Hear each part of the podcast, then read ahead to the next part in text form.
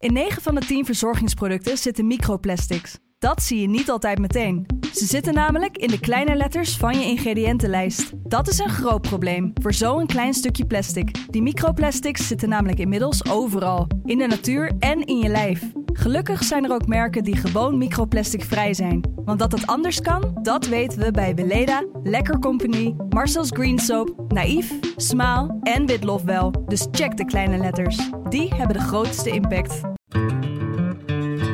In Washington Calling, de nieuwe Amerika-podcast van de Telegraaf, gaat correspondent Paul Jansen iedere week met mij, buitenlandredacteur Thomas Blom, in gesprek over de stand van zaken in de Verenigde Staten.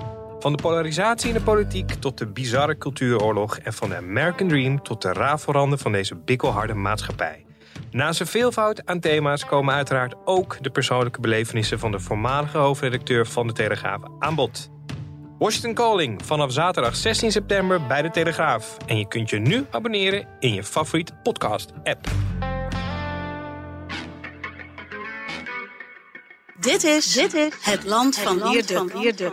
Ik ken mensen die hebben een uitkering, maar die verdienen meer dan jij en ik. Die verdienen er zo 1500 euro bij per maand. Of nog meer. Een podcast van de Telegraaf met analyses op het nieuws die u elders niet hoort. Er wordt zoveel met geld gestrooid, zoveel geld, belastinggeld, dat niet verantwoord wordt. En toen begon eh, Rutte ook, ja, maar waar moeten we dat geld anders ophalen? En dan denk ik, haal het eens niet op. En gaan ze gewoon bezuinigen op al die absurde uitgaven die jullie doen. Met Wierde en Roel den Outer. Hey Wiert, welkom. Ik eh, was een beetje in shock gisteren. Erwin Olof overleden, die fotograaf. Het is een generatiegenoot van ons. Ja. Ik eh, zat ook op de school van journalistiek in Utrecht waar ik ook eh, zat. Maar we hebben elkaar net gemist, denk ik. Ja. Jij kent hem, hè? Nou ja, ik heb hem, want we zijn generatiegenoot inderdaad. En eh, ik werkte ooit, toen ik begon als journalist voor het maandblad eh Vinyl. Voor alternatieve muziek en kunst en cultuur was het eigenlijk. Daar was hij eigenlijk al, al een van de sterren destijds. Dus ehm, hij deed dan volgens mij af en toe zo'n cover. En hij werd dan ook eh, geïnterviewd. Ik heb hem ook wel geïnterviewd en zo. Ook toen ik begon het Nieuws van het Noorden. heb ik ook nog eens een keer een groot interview met hem gemaakt. Een hele aardige vent was dat. En ehm, al direct van toen hij begon was duidelijk, dit is gewoon een enorm talent. Dus dan kon je onmiddellijk zien, binnen de generatie van de jaren tachtig, waar wij dan ook toe behoren, was een aantal mensen was duidelijk gewoon overgetalenteerd. Hè. Dus had je Olaf, dus Erwin Olaf, maar ook iemand als eh, Martin Bril. Had je al, hè, met Ja. Dirk van Wilde deed hij toen zo'n rubriekje in het... eh, in het eh, Parool, Bril schreef ook voor vinyl. Was ook duidelijk dat hij gewoon uitzonderlijk schrijftalent eh, had. Nou ja, Rob Scholten natuurlijk, dat was eh, de ster. Hè, van wie later de benen eraf zijn Ja. gebombardeerd. Dat Ja. was de, de postmoderne ster van, de, van die scene hier in, in Amsterdam. Ik ken Marlies Dekkers goed en ehm, de ontwerpster, zeg maar. De Mhm. lingerie-ontwerpster, maar ze is natuurlijk gewoon modeontwerpster. En die liep toen ook rond veel in die scene. Dus zij was ook een van die upcoming mensen die uiteindelijk later beroemd zou worden en ook internationaal zou doorbreken. Op een gegeven moment werd Erwin Olaf ook drong door tot een groter publiek. En helemaal werd hij natuurlijk bij de mainstream toen hij die foto's van het Koninklijke Huis ging nemen. hè? Ja, ja dat was echt wel eh, nog redelijk recent, hè, tien jaar geleden of zo. Ja, en ook kennelijk bevriend raakte met het koninklijk paard. En, Ja. en ook dat dus weer briljant deed. En dat vind ik mooi aan Erwin Olaf. Dat ehm, is ook heel erg Nederlands. Hij kon dus totaal zeg maar, schandaalfoto's maken met eh, de zwaar ero- geërotiseerde mensen die afweken van de norm, zeg maar. Hè? Dat je echt denkt eh, van dit is gestileerde pornografie, zeg maar. Ja. En ondertussen de, de huisfotograaf van eh, de Nederlandse koning eh, worden. Ja, en dat is wel weer heel erg het oude Nederland. En dat, ehm, die mentaliteit had hij ook een typische mentaliteit van de jaren tachtig. En dat is een, vind ik, eh, zichtbaar in die generatie van eh, de jaren tachtig. Dus gewoon heel onafhankelijk. Heel sterk gericht op ehm, eh, zelf succes, je eigen succes eh, maken. Dus niet afhankelijk willen zijn van eh, opdrachtgevers, werkgevers. Nou ja, nee, niet wel opdrachtgevers, maar werkgevers en zo. En ook de dingen zeggen zoals ze zijn. Precies, hij was echt niet politiek correct. Hij nam echt geen blad voor de mond. Nee, precies. Hij was een van de eerste eigenlijk mensen uit de culturele scene in Amsterdam. Die zei dat ze hartstikke last hadden van, van homo, anti-homo geweld. Wat er dus vroeger niet was. Was, was- er wel, maar veel minder. Ja, hij had natuurlijk vroeger wel het potenram. Hè. Jij komt natuurlijk uit Ja, het noorden. Dat was daar natuurlijk wel een beetje uitgevonden, zeg maar. Ja, en dat is een beetje een domme opmerking. Natuurlijk was anti-homo geweld er wel, maar niet Ja. eh, op een gegeven moment constateerde hij dat Amsterdam was toch op een gegeven moment de homo-hoofdstad van Europa en misschien wel van de wereld. Hè? Dus dat kon, ondanks die potorammers die er ook waren. En op een gegeven moment kon dat niet meer. En hij constateerde, ja, dat komt vooral ook doordat we hier uh, veel allochtone jongeren hebben die uh, homoseksualiteit niet accepteren. En die ons uh, beginnen lastig te vallen. Ja. Ik heb het nog even teruggezocht. Het was in 2010 dat hij, uh, dat hij soort een confrontatie had. Een vriend van hem werd belaagd. En uh, toen kwam hij zelf in de media, Erwin Olaf, met. Uh, toen zei hij onverbloemd dat het om Marokkanen ging. Die, ja. Dat er nogal wat opzien. Ja, toen kreeg hij natuurlijk heel veel shit over zich heen. En ik geloof ook wel dat hij daarna uh, uh, zich hier niet meer zoveel over heeft uitgesproken. Nee, toen is hij een stukje voorzichtiger geworden. Ja. Precies. Ja. En er is ook een heel naar moment dat die Tom Staal van Geen Stijl... Hè, Tom is uh, een van die relverslaggevers van Geen Stijl. Mm -hmm. Trouwens niet alleen maar relverslaggever, want hij doet ook heel goed verslag uit de Tweede Kamer.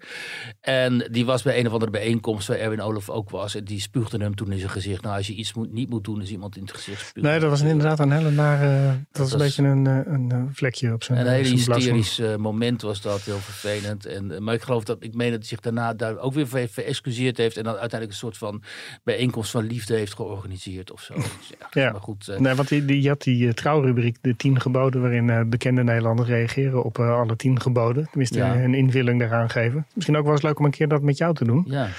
Hier een podcast. Ik weet niet hoe lang dat gaat duren, maar Ja. ik denk dat het wel eens aardig zou worden. En dan, eh, je hebt natuurlijk het gebod, gij zult de naam van de Uw God niet ijdel gebruiken. ja. Die moet jou bekend voorkomen. En toen eh, zegt hij als antwoord: Wat denk je dat een, een moslim-extremist roept als hij met voorbedachte raden dood en verderf gaat zaaien in een homobar? Dat Oh. was naar aanleiding van een aanslag in 2016, waarbij toen eh, in Orlando in een nachtclub eh, Ja. iemand binnen is gekomen en allemaal homo's heeft Ja. vermoord. Oké, dat is wel weer een sterke Dus, eh, opmerking. Ja, je hoorde er niet zo heel veel meer, maar hij kwam toch later eigenlijk wel weer eh, terug eh, daarop. Ja, ja, Ik vind het vooral, hij had natuurlijk enorme last van zijn longen, longemfyseem had hij. ja. En hij is nu uiteindelijk eh, na een longtransplantatie overleden. Het is echt Ja, wel- maar ja, hij laat een enorme oeuvre achter. En Ja. ik herinner mij een quote uit de fantastische serie 1883, die iedereen moet kijken, 1883. En daarin is een fantastische hoofdrolspeelster. Die is dan begin twintig of zo, maar die leeft een heel rebels en eigenzinnig leven. Heeft ook heel veel persoonlijkheid. En op een gegeven moment dan komt- wordt ze dan door een pijl van indianen doorboord. En dan geeft ze uiteindelijk... ehm, laat ze het leven. En dan zeggen die cowboys en haar vader, die zeggen dan tegen elkaar, dat, nou ja, die vinden het natuurlijk allemaal vreselijk, maar die zeggen tegen, wel tegen elkaar, jongen, ze heeft op haar leeftijd meer geleefd dan jij of ik samen. En dat zijn Ja. twee mannen van 50, 60. En dat was ook zo. En dat is bij Erwin Olaf natuurlijk ook het geval. Die laat gewoon een enorm oeuvre achter, Ja. wat voor een deel is bewaard in musea en zo. En ongetwijfeld dat hij nog veel meer zullen doen, maar zijn werk staat als een huis. En dat, Ja. eh, ja, die overzichtstentoonstelling in eh, Den Haag, daar ben ik geweest. Ik weet, dat was ook niet zo heel lang het in geleden. Den Haag of in het Rijksmuseum? Was het Haag. Nee, ja, dat was juist ja, zijn grote frustratie dat hij nooit in het Rijksmuseum heeft Oké. mogen hangen Ja. met een grote tentoonstelling. Maar dat zijn toch wel echt fantastische foto's. Ja, waar je, heel indrukwekkend. ja, maar in de traditie van de Nederlandse schilderkunst ook. Hè. ja. Dus, maar ja, het zijn een soort eh, oude meesters, eh, Ja. verstilde oude meesters. Ehm, maar ja, we zijn waar, geen eh, cultuurpodcast. Nee, we zijn, eh, nee.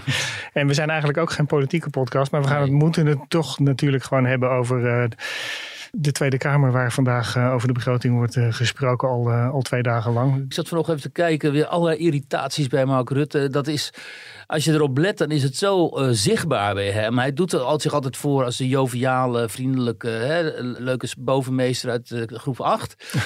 Maar als dan Baudet of die van heet die geloof ik, hè, van Denk tegenwoordig, die, daar, Ja. die, dat, die dat best goed doet trouwens. Ja. Als die hem dan wat prikkelende vragen stellen, dan zie je de irritatie gewoon bij. Of Omtzigt die dan weer een vraag stelt. En dan zegt Rutte van ja, de heer Omtzigt maakt, eh, heeft er een handje van om vragen die al eh, schriftelijk zijn gesteld. Of weet ik, ik weet niet precies hoe die het formulier. En die ook beantwoord gaan worden, waarvan hij weet dat die beantwoord gaan worden.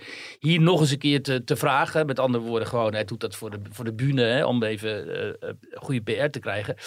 En dan denk ik, dit is zijn laatste ehm, APB, weet je wel. Ja. En hij gaat weg en hij kan relaxen Ja, zo. Het vernisje gaat er een beetje vanaf nu. Hè? Nou, hij zou volledig relaxer kunnen staan. Maar, Teflon. Ja, maar hij, hij vertraagt het gewoon niet.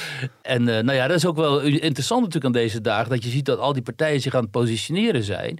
Dat die coalitiepartijen eh, eh, zich gaan profileren tegenover elkaar. Hè? Dat je dan de paternotten krijgt tegenover de VVD en dergelijke. En ehm, dat het dus niet allemaal pijs en vree is daar. Eh, zeker niet, uh, al helemaal niet binnen die uh, coalitie en binnen tussen die coalitiepartijen. Nee. De meest opvallende quote van woensdag was eigenlijk wel van Pieter Omtzigt.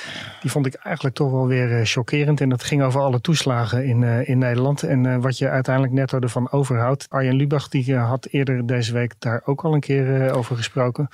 Nou ja, Pieter had het vooral over als je een gemiddeld maandinkomen hebt modaal, laag modaal en je gaat 10.000 euro meer verdienen, dan hou je uiteindelijk 900 ja, daarvan over. Misschien moeten we daar eventjes naar luisteren. Ja. Als je alleen verdiener bent en je verdient 37.500 en je gaat 10.000 euro extra verdienen, dat je daar 900 euro van overhoudt. Je betaalt 9.000 euro belasting en je haalt 900 euro over. Is dat de definitie van werken moet lonen? Ja, dat is toch wel shocking, vind ik. Ja, maar ja, dat is dus zo in Nederland. Kijk, ik zat gisteren bij Vandaag in Site en toen kon ik hier ook iets over zeggen. En wat mij opvalt in die beschouwingen, dat is dat nauwelijks een politicus zegt: van luister eens even, in dit land is het zo, je wordt hier zo, zo zwaar belast. De lastendruk is zo gigantisch. Niet alleen in voorbeelden zoals dit van Pieter Omtzigt, maar dat gewoon een ieder van ons uh, gemiddeld zes maanden per jaar voor de overheid werkt. Dus wij zijn gewoon een half jaar in dienst van de overheid en daarna ga je, dat draag je allemaal af aan de overheid, daarna ga je zelf verdienen voor jezelf. Dus we zijn allemaal soort ambtenaren. Hè? Dat heb ik hier ook wel eens vaker geponeerd. We, we kunnen veel over landen als, uh, noem maar wat, hè, al die autoritaire landen en zo. Of landen waar ze veel collectivistischer, waar ze veel collectivistischer nog denken. Maar ondertussen leven wij ook in een soort uh, half communisme hier. Omdat we, Hè, die staat die eist zoveel van ons en die geeft ook geen enkele mogelijkheid, geen enkele mogelijkheid voor mensen die werken en een gemiddeld inkomen verdienen, of net iets hoger, dus die middenklasse, om het voor hen enigszins gemakkelijker te maken. Dus wat gebeurt er? Kijk, de, de lagere klasses, die, die zitten helemaal aan het infuus. Die leven van de toeslagen, die hele kerstbomen en zo. Die worden eigenlijk gewoon gesubsidieerd door de overheid. En daar leven ze van. En de rijkeren, ja, die kan het allemaal, zat allemaal worst Die hebben allemaal constructies, hè, waardoor ze wel aan die overheid weten te ontkomen. Maar die middenklasse, de mensen gewoon in loondienst met inderdaad zo'n inkomen van 40.000 en zo waar zich het net over had, die zijn zomaar de klos als daar iets kapot gaat bijvoorbeeld, of als, dat, als de huren stijgen, of weet ik wat allemaal. Door de inflatie nu zie je, hoe, zie je hoeveel mensen in de problemen zijn geraakt. En wat doet die overheid? In plaats van die mensen nog eens een beetje tegemoet te komen, bijvoorbeeld door, de boetes te verlagen, of een puntenstelsel in te voeren, zoals in Duitsland. In Duitsland, die verkeersboetes, zo stelt niks voor, maar als je een paar keer te vaak geflitst bent, dan ben je rijbewijs ja, een maand boetes gaan omhoog, hè? Boetes omhoog, weet je wel, alles omhoog, omhoog, omhoog. Het mensbeeld daarachter klopt niet. Het is een zuiver bureaucratisch mensbeeld, terwijl in die andere landen, zoals Duitsland, maar ook elders, begrijpt de overheid kennelijk nog en die ambtenarij dat we hier met mensen te maken hebben die het ook niet in alles moeilijk moet maken. Dat je niet bent als overheid om die mensen alleen maar te plukken. Maar dat je er ook bent om ook die mensen die notabene jouw belastinggeld naar jou toe brengen. Zes maanden per jaar. Om die ook af en toe eens tegemoet te komen. En als ik naar die beschouwingen kijk, weet je wel, dan denk ik, hoe is het ook mogelijk? Hier heb je dus politici die miljarden ook verliezen gewoon. Hè? Hmm. Ik bedoel, waar zijn die 5 miljard van Hugo, eh, Hugo de Jonge? Heb je er nog iemand over gehoord? Er wordt zoveel met geld gestrooid, zoveel geld, belastinggeld, dat niet verantwoord wordt. En er wordt maar geplukt en geplukt aan jou en mij en die andere mensen. En de vanzelfsprekendheid waarmee die politici daarover spreken. Daar hoor ik Rutte ook weer van vandaag van ja, maar uh, als uh, dat ging dan over het potje. En het ging uitgerekend over die boetes. Daar had hij van Baren die van denkt, want die, dat is natuurlijk een populist, dus je begrijpt ook wel met boetes gaan scoren bij die bij allochtone achterban. Hè, die hebben er ook last van. En toen begon Rutte ook, ja, maar waar moeten we dat geld anders uh, ophalen. En dan denk ik, haal het eens niet op, weet je wel. En gaan ze gewoon bezuinigen op al die absurde uitgaven die jullie doen. Niet alleen aan klimaat en aan stikstof en dat soort dingen. Maar aan Zodra Sigrid Kaag het buitenland gaat, maakt niet uit in welke positie, als welk, in welk ministerschap of eventueel staatssecretaris. Zij gaat geld uitdelen. Ze gaat dus ons geld daar uitdelen aan mensen waarvan zij vindt dat die het wel nodig hebben. En die, die gemiddelde burger hier, die zo meteen weer in de kou zit in de winter. Weet je wel, daar, daarvan zegt ze wie zijn die mensen. Laat ze verrekken eigenlijk, daar komt het op neer. En daar kan me zoveel opwinden. En dan denk ik, alleen Wilders eigenlijk, hè, het zegt dat in de Kamer. Ja. Dat maar Wilders heeft ook wel een redelijk eh, linkse uh, beleid, economisch. Nou ja, wat Wilders vindt van zichzelf inderdaad dat sociaal-economisch dan opkomt voor de gewone man. Dus links is en cultureel rechts en zo. Maar iemand als Marijnissen, die alleen maar zetels verliest en al die, die, die zou natuurlijk die zou prijs kunnen schieten daar, weet je wel. Juist door dit verhaal te vertellen. En, uh, maar ja, die komt dan weer, denkt weer te veel te veel op te komen voor echt voor die onderklasse die weer van de toeslagen ja. uh, leeft. Ja. Nou, onze columniste Annemarie van Gaal, die uh, hamert er ook elke keer weer op dat al die toeslagen moeten worden afgeschaft. Iedereen vindt inmiddels ja. dat die hele kerstboom moet worden afgeschaft. Maar als je dat aan Martin Visser, onze chef van de Financiële Telegraaf, vraagt, die altijd daar heel genuanceerd over denkt, dat weet je dan zegt hij ja, het kan gewoon niet meer. Die, die kerstboom is nu zo groot en zo ingewikkeld. Als je daar een paar ballen uit gaat trekken, dan dondert hij om. En dan krijg je allemaal weer uh, klagende groepen. Nou, maar dit is dus, dus precies de systeemcrisis waar we in zitten. Ja. Want het is niet alleen in het geval van die toeslagen zo. Dat is in allerlei sectoren van de overheid ja. het, het, geval. Waardoor je dus uh, niet meer kunt gaan hervormen, notabene. Dus dan kun je nog zo hard roepen van we gaan het helemaal anders doen. De conclusie is zo langzamerhand dat het systeem zo is vastgelopen. Dat je het, uh, het systeem moet, zult moeten gaan veranderen. En het, het slechte aan rechts is. Kijk, links roept dat natuurlijk wel. Ja. Hè? Een heel ander systeem. Dat is anticapitalistisch. Maar rechts, de rechtse partijen, die zouden moeten zeggen... wij willen niet alleen een cultureel een omslag indenken... Hè? zodat we niet meer geconfronteerd worden met al die wokengekte en zo. En uh, zodat we weer, zeg maar, normaal gaan doen. Maar ook in het sociaal-economisch systeem willen wij structurele aanpassingen. Waardoor we uit die crisis, want het zijn crisissen, kunnen komen. En... Um, ja, daar hoor ik ze toch te, te, te, weinig over. Kijk, Wilde zegt er altijd dat kan wel. Maar dan moeten we gewoon hè, terug naar nul immigratie. Ja. En we moeten al die uh, illegale terugsturen en zo. Dan komt er geld vrij voor, voor onze burgers. Ja.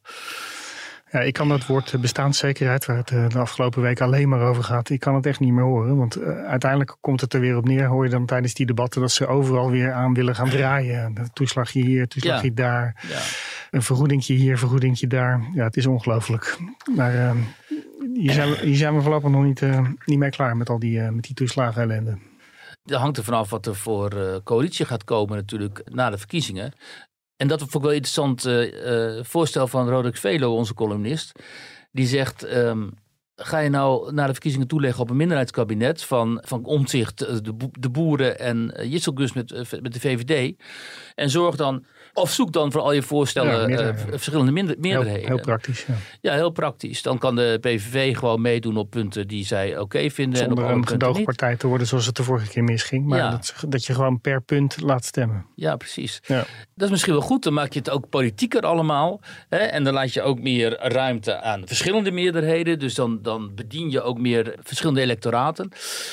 Maar ja, laten we eerst maar eens afwachten hoe die verkiezingen ja. lopen. Joh. Dat, uh, die peilingen, dat, is natuurlijk, uh, dat zijn maar palingen. Dus, het was uh, trouwens wel opmerkelijk dat Pieter Omzicht aan het woord kwam op woensdagavond. En eigenlijk zijn hele verhaal kon afdraaien zonder dat hij werd geïnterrumpeerd. Ja. Dat is natuurlijk ook waarschijnlijk tactiek hè, van de andere partijen. Als ze dit maar zo snel mogelijk voorbij hebben, met zo weinig mogelijk discussie, dan krijgt hij ook geen aandacht.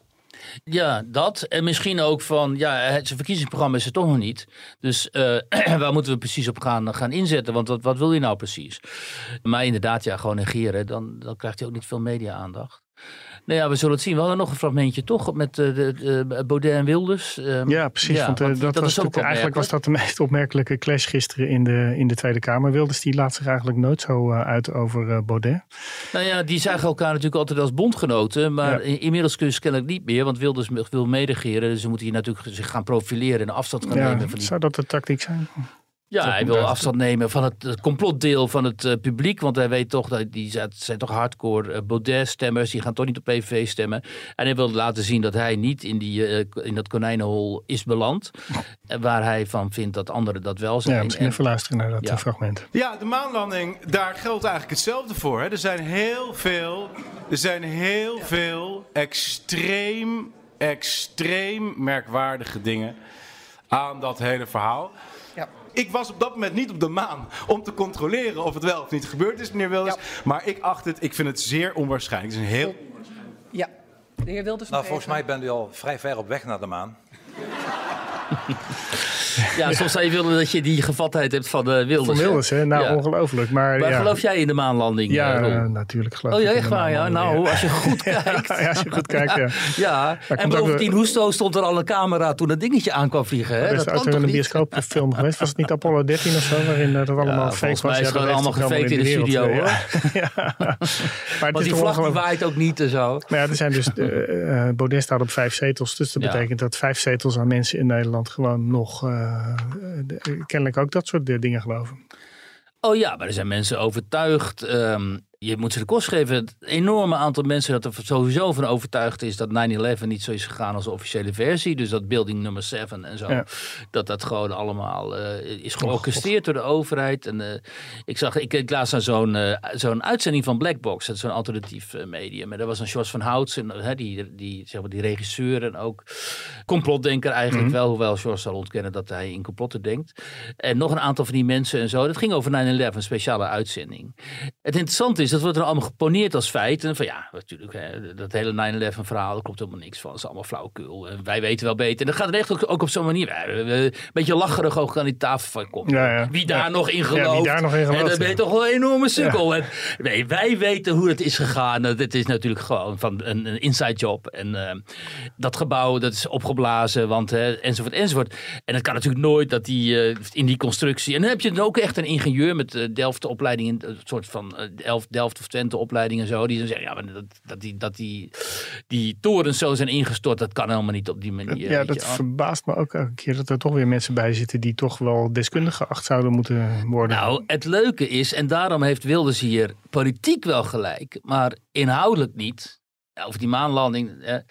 maar over de toren bij 9-11, daar vallen ook wel vragen te stellen over hoe dat nou precies Maar dat was na de Bijlmerramp werd dat toch ook jarenlang. Ook. Uh, maar dat was niet zo groot, dus dat uh, is geen internationaal complot geworden. Maar over die Bijlmerramp heb je ook jarenlang dat soort complotten ja, gehoord. Maar zodra je dus dit soort uitzendingen gaat volgen en er meer over naar kijkt en meer leest en zo, dan denk je ook wel af en toe. Ja, je, ja, je moet ook niet te veel lezen erover, denk ik. Nou ja, juist wel. En het, je moet ook wel, het is wel heel raar dat. Ge, ge, pro, maar ja, dat is met die vaccinatie natuurlijk net zo. Het is heel raar dat ge, prominente wetenschappers.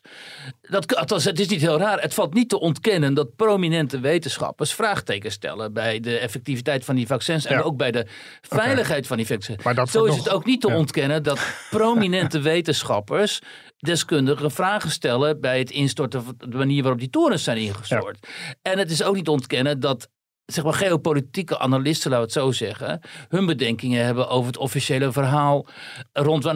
En het valt al helemaal niet te ontkennen dat op een gegeven moment die Petraeus naar buiten kwam, weet je nog.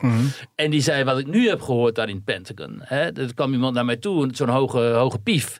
En die zei, joh, ze hebben besloten dat wij niet één land gaan aanvallen na, na 9-11. Maar wij gaan, we're going to take seven countries out. Hè. En daar doelde volgens mij, verwees Baudet ook nog even naar. In eh. Baudet zei, en dat is dan weer zo dom aan hem.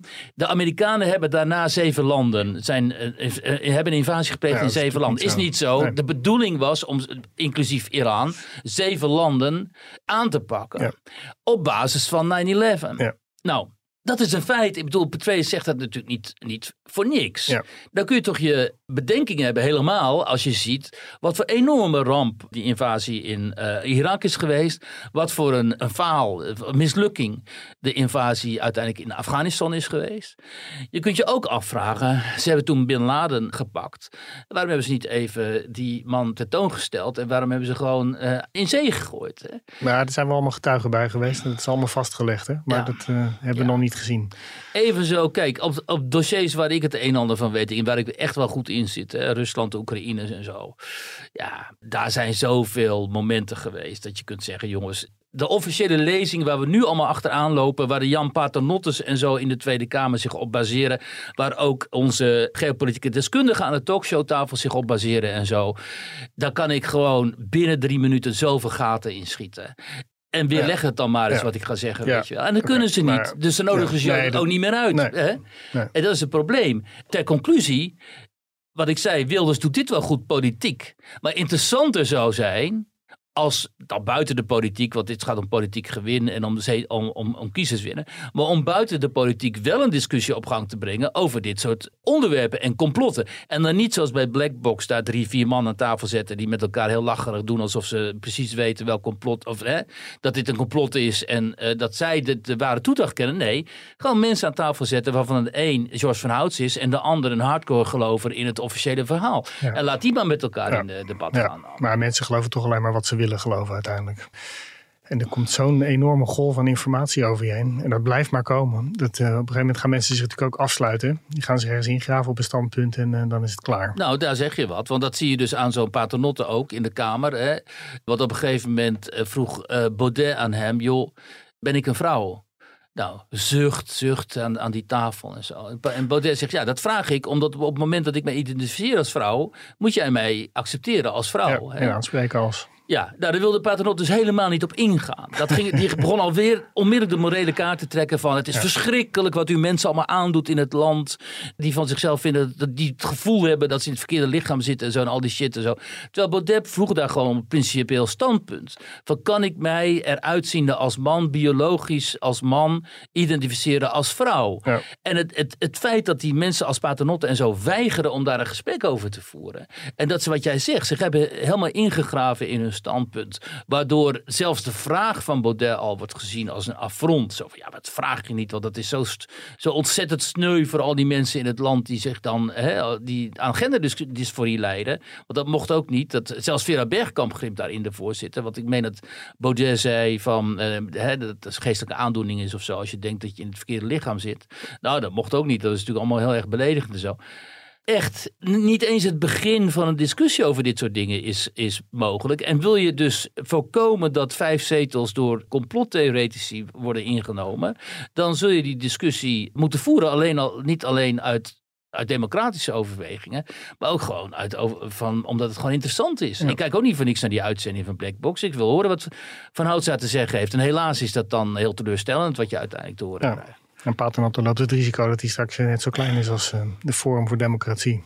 Ja, nou ja, dat is inderdaad, eh, dat is natuurlijk ook hilarisch. Dat, uh, Wilders nam afscheid van Kaag. En uh, Kaag heeft natuurlijk ooit gezegd van, kijk naar de peilingen en u gaat stemmen verliezen. Nou, uiteindelijk buiten van hun, ik van deze. Zij blijft, zij blijft er echt heel, heel strak onder. ja. Ondertussen in uh, Rusland, Vladimir Poetin uh, die lacht zich uh, rot, want die ziet weer allerlei mogelijkheden met Trump. Hè? Echt, dat is we kunnen daar waarschijnlijk toch niet genoeg op wijzen dat wij hier in het Westen in een enorme bubbel zitten. Een geopolitieke bubbel.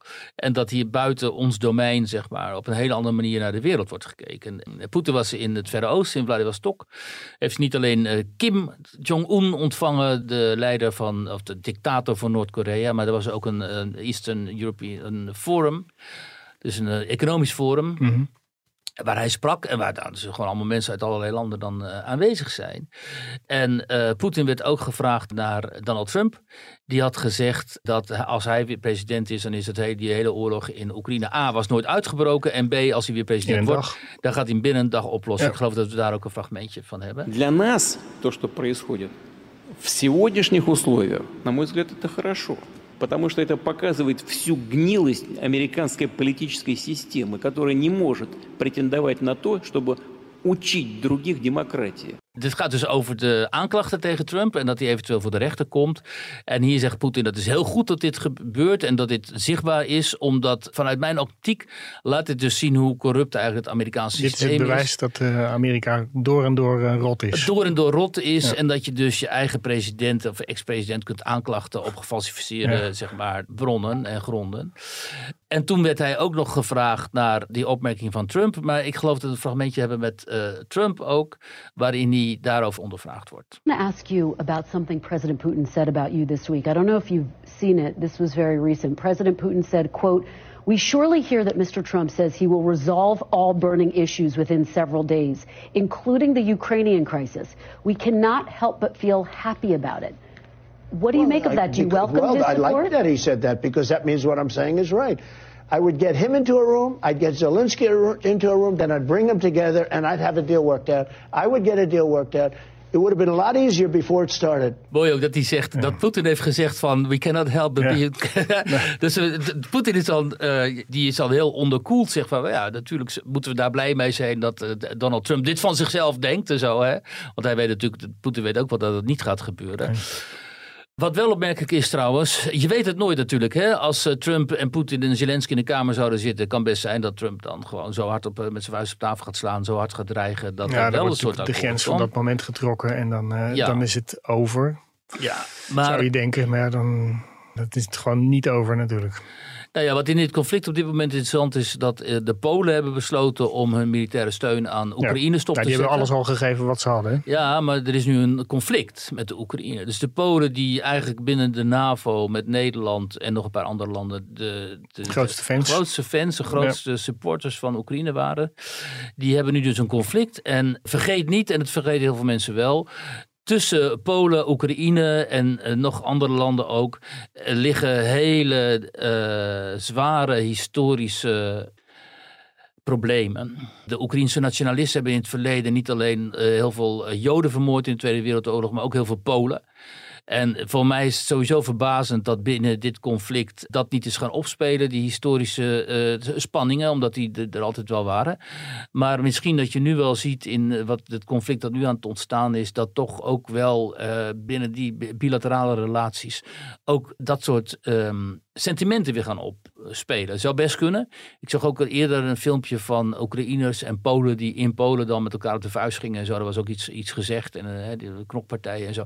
Dus het is niet zo omdat het nu convenient is, zeg maar, omdat het nu voor beide partijen aantrekkelijk is om elkaar te steunen tegen Poetin, dat die eh, historische eh, problemen eh, helemaal van de baan zouden zijn. Net zoals dat het eh, historische conflict tussen Polen en Duitsland ooit echt is opgelost. Zodra in Polen het politiek opportun is, gaan ze weer enorm tegen Duitsland te keren. Dan krijgt Merkel opeens een eh, fascistenpak aan en zo. En dan is Olaf Scholz heeft dan opeens een nazi-snor en zo, weet je wel. Dat, dat gaat heel snel in die landen, omdat ja, die geschiedenis ligt Ja. zo, eh, hè, die ligt eh, nog zo gevoelig. Die moord op al die Poolse officieren. Ja, ja, bij Katyn, dat, nou ja, dat is ja, dan... dat is een van de dingen die elke keer weer naar boven komen. Ja, dat is dan de, het verwijt aan de Russen.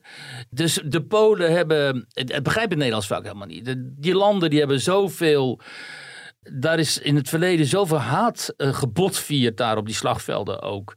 Niet alleen op Joden, altijd op Joden sowieso, want het zijn hele antisemitische, eh, de, de, heel antisemitisch deel van de wereld. Maar ook Russen tegen eh, anderen, anderen tegen Russen, Oekraïners tegen Russen, Oekraïners tegen Polen, noem maar op. En, en dat ligt toch allemaal heel vers in het geheugen. Ook omdat een aantal van die landen natuurlijk nog maar sinds een aantal decennia weer vrij en democratisch zijn. En daarvoor hebben, eh, ik bedoel, die, dat- die Oost-Europese landen hebben nog tot 8900 eh Sovjetjuk eh, geleden. Dus die hebben, koesteren nog hele recente haat ook op de Russen. Hè. Maar jij denkt dat dit een breekpuntje kan gaan worden? Dat de Polen nu dwars liggen? Nee, ik denk niet per se dat het een breekpunt wordt, maar ik vind het wel veelzeggend.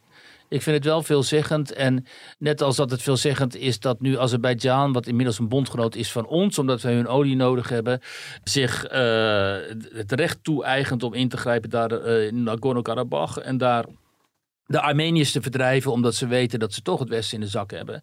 Want wij kunnen niet al te hard op hun reageren, want wij hebben een deal met de Europese Unie, heeft een deal met hun gesloten. En zo zie je dat die, dat soort historische conflicten nu ook worden uitgespeeld binnen de nieuwe geopolitieke context. Ja, nou ja, dat moet je heel goed in de gaten houden, omdat, wat ik al eerder zei ook, onze geopolitieke context is een hele andere dan van die eh, andere delen van de wereld, waar een hele andere manier van denken heerst. Bijvoorbeeld ook eh, China. Eh, dat zei Poetin ook in dat interview met eh, afgelopen week. Hij zei de historische banden met China zijn nog nooit zo goed geweest als nu. En wij houden rekening met elkaars eh, belangen. En wij dringen niet binnen elkaars invloedssfeer. Zoals het Westen dat wel doet. En eh, het Westen behoudt zich het recht voor, de Amerikanen zegt hij dan altijd. De Amerikanen behouden zich het recht voor om binnen onze invloedssferen te gaan stoken. Nou, wij doen dat niet. Wij doen dat ook niet met andere landen, zegt hij dan. Terwijl net de Oekraïne is ingevallen. Ja. Maar goed, eh, dat beschouwt hij als zijn invloedssfeer. Dus Ja. hij heeft het recht om daarin te grijpen, want het Westen dringt daar binnen. Hij zegt, wij doen dat niet. En eh, daardoor kunnen wij, daardoor, dat is een, een teken dat we elkaar respecteren. En daardoor kunnen wij zulke goede contacten onderhouden. Ja, het is echt belangrijk om kennis te nemen van dit soort Ja, zeker. uitspraken. En daarom is het ook zo slecht om hiermee te eindigen dat eh, wij in onze wijsheid, morele, ethische wijsheid, hebben besloten om eh, kanalen als Russia Today, RT en zo en Sputnik en zo te blokkeren. Want daar zijn dit soort dingen natuurlijk allemaal te zien. Maar ja, die mogen wij niet meer zien van de Ja. Jan Paternottes van deze wereld, want we, dan zouden we wel eens op slechte gedachten kunnen Ja, komen. want ik volg op YouTube een paar van die eh Oekraïnse propagandakanalen. Ja. Die elke dag update geven van het front. Ja.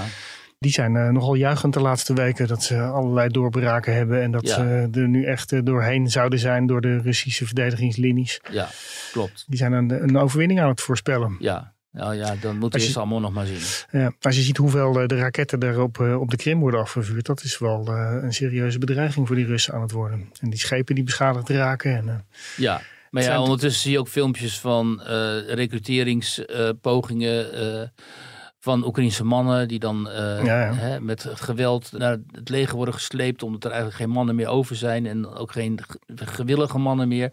Dus ze weten helemaal niet Ja, wat we daar nu precies van moeten geloven. slagen, slagerij is het gewoon aan het worden. En als je dan ziet op de kaart elke keer weer wat een klein randje van Oekraïne er eh, nog bezet is door die Russen. Nou ja, dat dus. Het is gewoon een, een denken, gehaktmolen. laat maar. Ja. Eh, maar dat is natuurlijk, eh, het is natuurlijk niet ons land. Nee, maar het is wel onze oorlog, volgens mij. Het zijn wel onze spullen, ja. Ja. En het is onze oorlog, schijnt het. Ja. Waar was Wiert?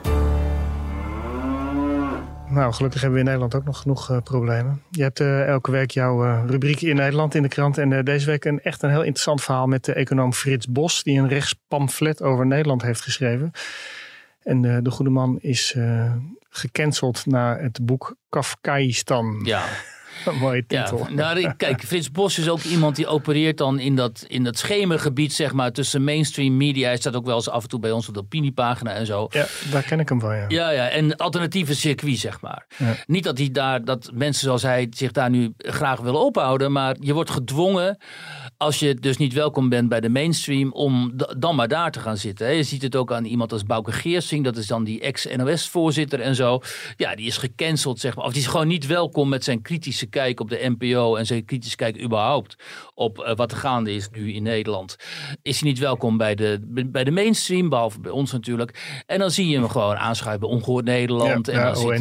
Ja. ja, die mensen, je ziet ze allemaal uiteindelijk aan de tafel bij eh Ongehoord Nederland. Terwijl Ongehoord Nederland nu gecanceld gaat worden, notabene. Of uiteindelijk komen ze dan bij Flavio Pasquino van eh Blackbox. En vroeger zaten ze dan bij Café ja, dat schiet ik ook niet op. Dan Nou ja, kijk, een- er is geen ander circuit. En vergeet niet, eh, voor hun. Er is Voor- geen voor ja. hun. En vergeet niet die alternatieve media zo langzamerhand. Die hebben een enorm bereik. En dat is gewoon een eigen subcultuur waar mensen op afstemmen. Heel veel mensen die, die ik ook spreek en zo, die zeggen ook, ja, dat zijn mijn informatiebronnen. Ja. Ik kijk niet meer naar de NOS. Ik, kijk, ik heb geen. Nee, ze hebben wel een groot bereik, maar eh, waar leidt dat politiek gezien toe? Nou, dat leidt tot die vijf zetels bij Forum. Ja, dat leidt tot een aantal zetels toch wel ook bij, bij de boeren bijvoorbeeld. En bij, bij Wilders misschien ook nog wel. Ja, je denkt dat het zo langzaam toch doorcijpelt in de... Nou, ik was afgelopen week bij een bijeenkomst met een groot aantal mannen van het eh, platteland, zeg maar. Mhm. En een deel daarvan stemt aan SGP, een ander deel stemt voor, ik denk ook nog altijd wel Forum, een deel stemt op de boeren. Ja, en die kijken eigenlijk ook helemaal niet meer, of lezen geen, niet meer die mainstream kranten, kijken niet naar. En dat wordt onderschat. Kijk, die media waarvan mensen als Ollongren, toen ze nog minister was van Binnenlandse Zaken, en anderen vinden dat ze maar eh, eigenlijk gesloten moeten worden. En eh, waar mensen werken waarvan van wie Sigrid Kaag zegt, wie zijn die mensen en zo, en die kijken daar ook naar. Die hebben gewoon een bereik onder delen van het electoraat.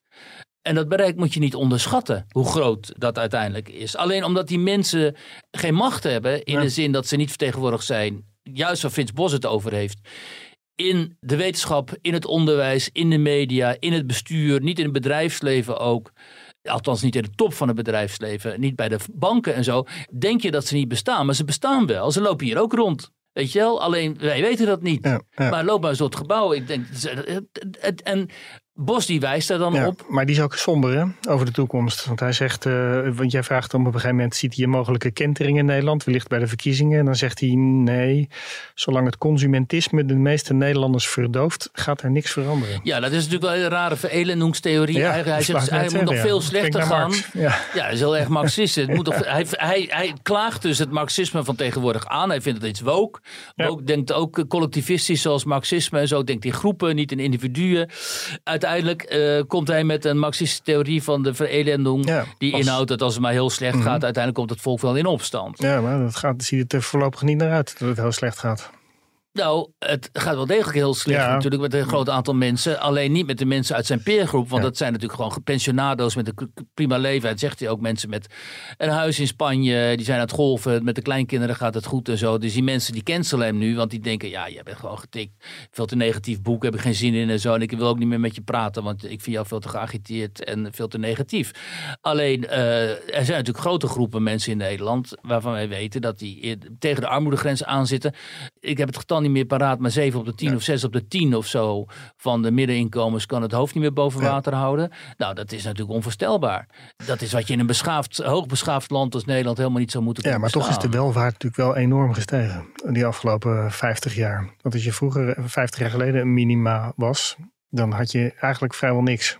Als je in de jaren 50 een, een modaal inkomen had als eh, één verdiener en je vrouw stond Ja. thuis de kinderen te doen. Ja, en dan kon je een huis kopen. Dan kon je en een huis kopen Ja. en je kon je kinderen voeden. En je kon een autootje aanschaffen. Nadat jaren eh, 60 Joop den Uyl dat had gezegd van eh, de arbeiders moeten allemaal een auto.